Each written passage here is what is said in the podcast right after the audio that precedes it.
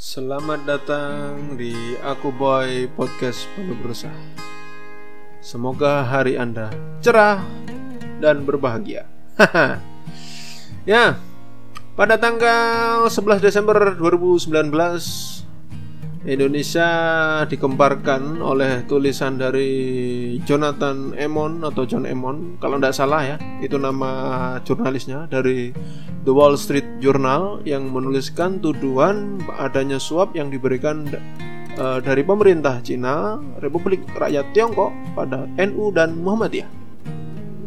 Terkait masalah Muslim Uighur di provinsi Xinjiang benarkah itu terjadi berapa dana yang mengalir dan siapa yang menerima. Eng ing eng. Masalahnya masih belum jelas siapa yang menerima. Kalaupun menerima itu pasti oknum dari NU dan Muhammadiyah. Mungkin itu jika ada, jika itu ada.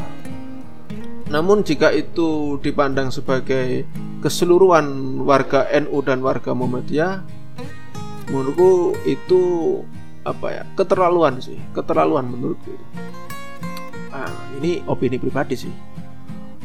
Saya nggak yakin uh, sorry aku pribadi nggak yakin sih uh, ah, NU dan Muhammadiyah melakukan hal serendah itu.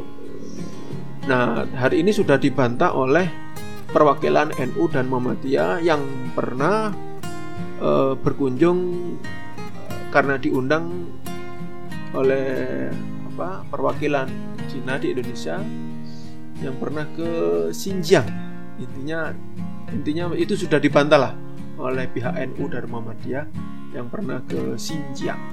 Kait Muslim Uighur yang lucu adalah dari eh, kesaksian perwakilan salah satu perwakilan yang pernah di uh, ke Xinjiang itu ada terasa ada pengkondisian oleh uh, pemerintahan Cina seolah ada yang ditutup-tutupi. Apakah itu? Nah memang sudah ada kecurigaan, namun yang ditangkap benar-benar ditangkap, yang betul-betul dipahami oleh pihak perwakilan NU dan Muhammadiyah, di sana ternyata tidak ada uh, apa kebebasan untuk melakukan ibadah. Nah sebenarnya aku pribadi sudah tahu hal ini, isu ini sudah lumayan lama sudah uh, mungkin tiga atau lima tahun yang lalu. Adanya ketik ke pengekangan penekanan terhadap uh, kepercayaan keimanan uh, dan beragama di di negeri Tiongkok di negeri tirai bambu itu. Seperti tentang uh, perayaan Natal dulu sempat jadi polemik tidak boleh karena apa syarat agama itu. Jadi yang ditekan juga ada orang Kristen. Kemudian yang isu yang saya teri, yang aku dengar juga tentang tidak bolehnya memajang gambar Yesus Kristus, tidak boleh me, memajang apa lambang salib di rumah orang-orang Nasrani, orang-orang Kristen. Tidak boleh adanya praktek Falun Gong. Itu Falun Gong itu suatu aliran apa ya? Mungkin aliran kepercayaan aku kurang paham juga tentang Falun Gong. Itu dilarang di Cina kepercayaan uh, Falun Gong di Cina. Nah juga uh, aku juga mendengar adanya uh, diskriminasi umat-umat Muslim di Cina. Kalau nggak salah itu terkait dengan suku Uighur dan suku Hui. Kalau nggak salah se ini sepengetahuanku sih Cuma aku sendiri masih uh, mencari data-datanya betul enggak? Apakah ini hanya data-data propaganda dari pihak-pihak yang kontra dengan Cina? Kemudian eh, yang dipaparkan oleh perwakilan dari NU dan Muhammadiyah yang menemukan bahwasannya adanya kekangan pelarangan uh, untuk melakukan ibadah dari situ saja itu sudah keterlaluan bayangkan hak untuk beribadah dilanggar, hak untuk beribadah dilarang. Nah, ini kan sudah me menyinggung hak asasi manusia. Namun tidak bisa dibenarkan juga pernyataan dari Dr. Sophie Richardson dari Human Rights Watch atau pemerhati hak asasi manusia yang orang Amerika juga menyayangkan sikap NU dan Muhammadiyah yang katanya menurut dokter Mbak Sopi ini bahwa NU Muhammadiyah itu kurang dianggap kurang data, dianggap mengatakan NU Muhammadiyah itu beralala, beralasan saja, berdalih saja bahwa mereka kurang data. Padahal bukti e, banyak. Bukti dari PBB, bukti dari dia juga banyak. Seolah-olah apa ngenyek gitu loh, mengapa menghina gitu apa, merendahkan sih.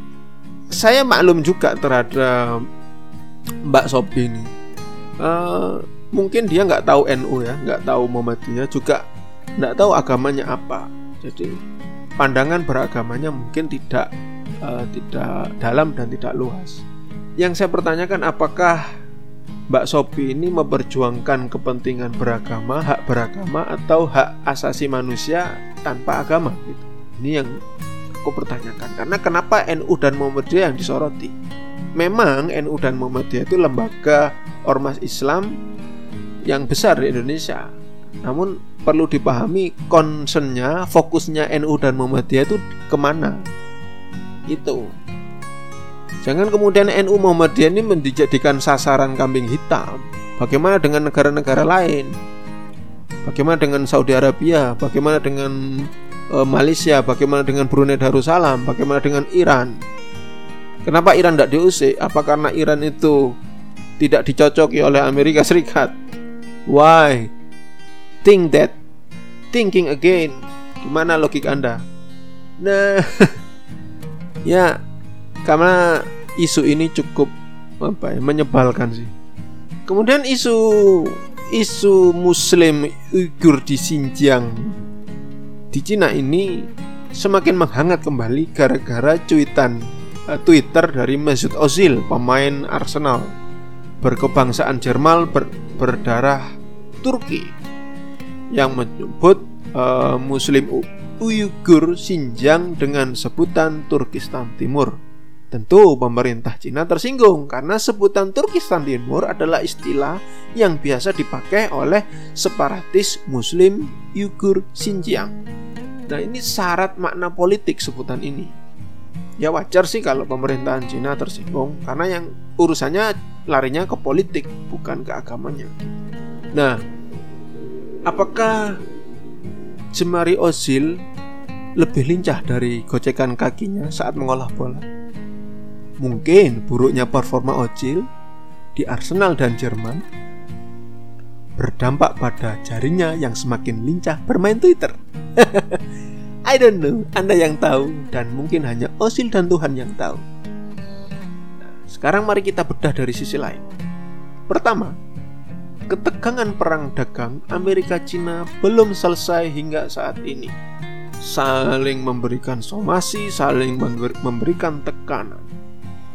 Sehingga akal sehat dari Amerika perlu mengusik NU dan Muhammadiyah dalam persoalan mereka dan diseret-seret dalam hal agama, isu uh, agama Nah, ini seolah-olah menampakkan bahwa Amerika kewalahan menghadapi Cina dalam perang dagang. Nah, di, memang dikatakan di dalam The Wall Street Journal bahwa Indonesia adalah salah satu negara Muslim terbesar. Apakah jurnalis-jurnalis WSJ itu sudah kehilangan kecerdasan dan akal sehat? Orang beragama itu belum tentu sudah sangat ahli dalam agama, dalam umat beragama mana pun banyak yang masih belajar dan pendal apa melakukan pendalaman-pendalaman dalam agama. Ini pertanyaanku. Banyak teman-teman muslim, apakah semua teman-teman muslim itu pasti seorang hafid, seorang hafal Quran, hafal hadis? Nah, kalau sudah hafal Quran, hafal hadis, apakah sudah melakukan sunnatullah, eh, ah, sunnah Rasul secara menyeluruh maaf ya, saya tidak berkata tentang janggut dan uh, berpoligami, tapi sunnah-sunnah ibadah. Apakah sudah komplit? Apakah sudah uh, setarap salah satu sahabat? Sudah setarap ibadahnya dengan Sayyidina Umar, dengan Sayyidina Abu Bakar? ini logika barat yang tidak bisa menerima gitu. Karena logika barat dibangun dari pondasi-pondasi kehancuran ketika uh, revolusi Prancis dan revolusi industri. Nah, ini dibawa-bawa menjadi kacamata untuk melihat persoalan agama, persoalan sosial di negeri lain. Ini yang apa ya? Lingkaran setan yang tidak pernah selesai. Filsafat barat itu kan terlahir baru. Nah, ini kemudian kita ikut ikut-ikut ikut-ikut kagum dengan filsafat barat. Padahal filsafat barat itu seringnya mengutip dari filsafat-filsafat Yunani. Dan filsafat Yunani bukan yang paling tua. Di, di dunia ini ada tiga filsafat. Filsafat timur filsafat Yunani dan filsafat barat. Filsafat barat itu paling dan menurutku filsafat barat itu sudah tidak relevan. Nah ini ini opini ku pribadi. Mungkin Rocky Gerung nggak setuju. Halo Pak Rocky. Nah jurnalis-jurnalis USJ, Wall Street Journal, uh, dan VOA Voice of America juga ada VOA Indonesia. Tolonglah VOA Indonesia kalau bisa memberikan dampak, memberikan informasi yang tepat bagaimana Indonesia bersikap. Jangan hanya karena dibayar apa dana VOA itu dari Amerika kemudian tidak memiliki dampak yang signifikan, dampak yang anda bawa nama Indonesia loh. Kenapa tidak memberikan menceritakan kisah Indonesia yang benar? Jangan hanya didekte oleh Amerika. Iki piye to? Ya opo? Bagaimana? Ah, kapasitasnya bagaimana ini? Tuh.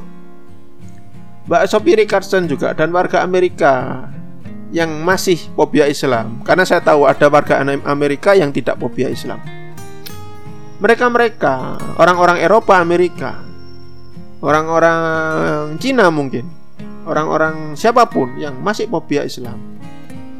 Belajar kembali tentang agama itu apa. Jangan hanya dari sentimen-sentimen yang dibangun dari keruntuhan Eropa di masa revolusi Perancis dan Inggris. Coba datang ke Indonesia dan belajar ke saya. Kalau saya terima murid, masalahnya saya tidak pernah terima murid. Eh. nah, ini yang kemudian, ini yang aneh nih. Aku baru ingat. Bagaimana dengan sikap Donald Trump sebagai presiden Amerika? Jujur aku nggak terlalu peduli dengan Donald Trump. Karena yang aku tahu Donald Duck. Ya, Anda tahu tokoh Disney kan? Uh, si bebek yang suka ngoceh-ngoceh, suka marah-marah. Nah, kenapa Donald Donald Trump meniru sikap Donald Duck? Seharusnya Donald Trump itu lebih wise, lebih bijaksana, lebih uh, cerdas, lebih murah senyum. Kenapa suka ngomel-ngomel di tweet? Ya tweet kan lambangnya burung. Duck itu bukan burung ya? Kenapa kok suka ngomel-ngomel? Ini apakah ini kebetulan atau tidak antara Donald Duck dan Donald Trump? Hehe, jangan marah ya Pak Trump. ya, saya nggak tahu sih apa yang ada di benak Donald Trump yang kebijakannya selalu uh, mendiskreditkan orang Islam. Nah, melihat orang-orang Islam yang di ditindas di Cina, yang menurut mereka ditindas di Cina. Bagaimana sikap Donald Trump? Apakah Donald Trump membela umat Islam? Apakah dengan membela Islam Uyghur di Cina, kemudian Donald Trump melegitimasi untuk menyerang Cina? aku nggak tahu. Uh, ini apakah Donald Trump menjadi mualaf? Uh, aku juga nggak tahu.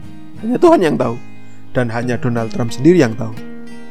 Ya memang dari dulu masalah ekonomi itu berujung dan bergesekan ke masalah politik. Kemudian untuk membenarkan tindakan itu diseret-seretlah agama di dalamnya sebagai bentuk dari pembenaran dalam perilaku kejahatan para penguasa. Sekarang benar salahnya saya serahkan kepada Anda untuk menimbang mana yang benar, mana yang salah. Tapi perhatikan opini Anda, jangan terbawa emosi sesaat. Argumentasi harus dipaparkan dengan data-data yang lengkap dan data-data yang jujur dan valid. Jangan asal ngomong.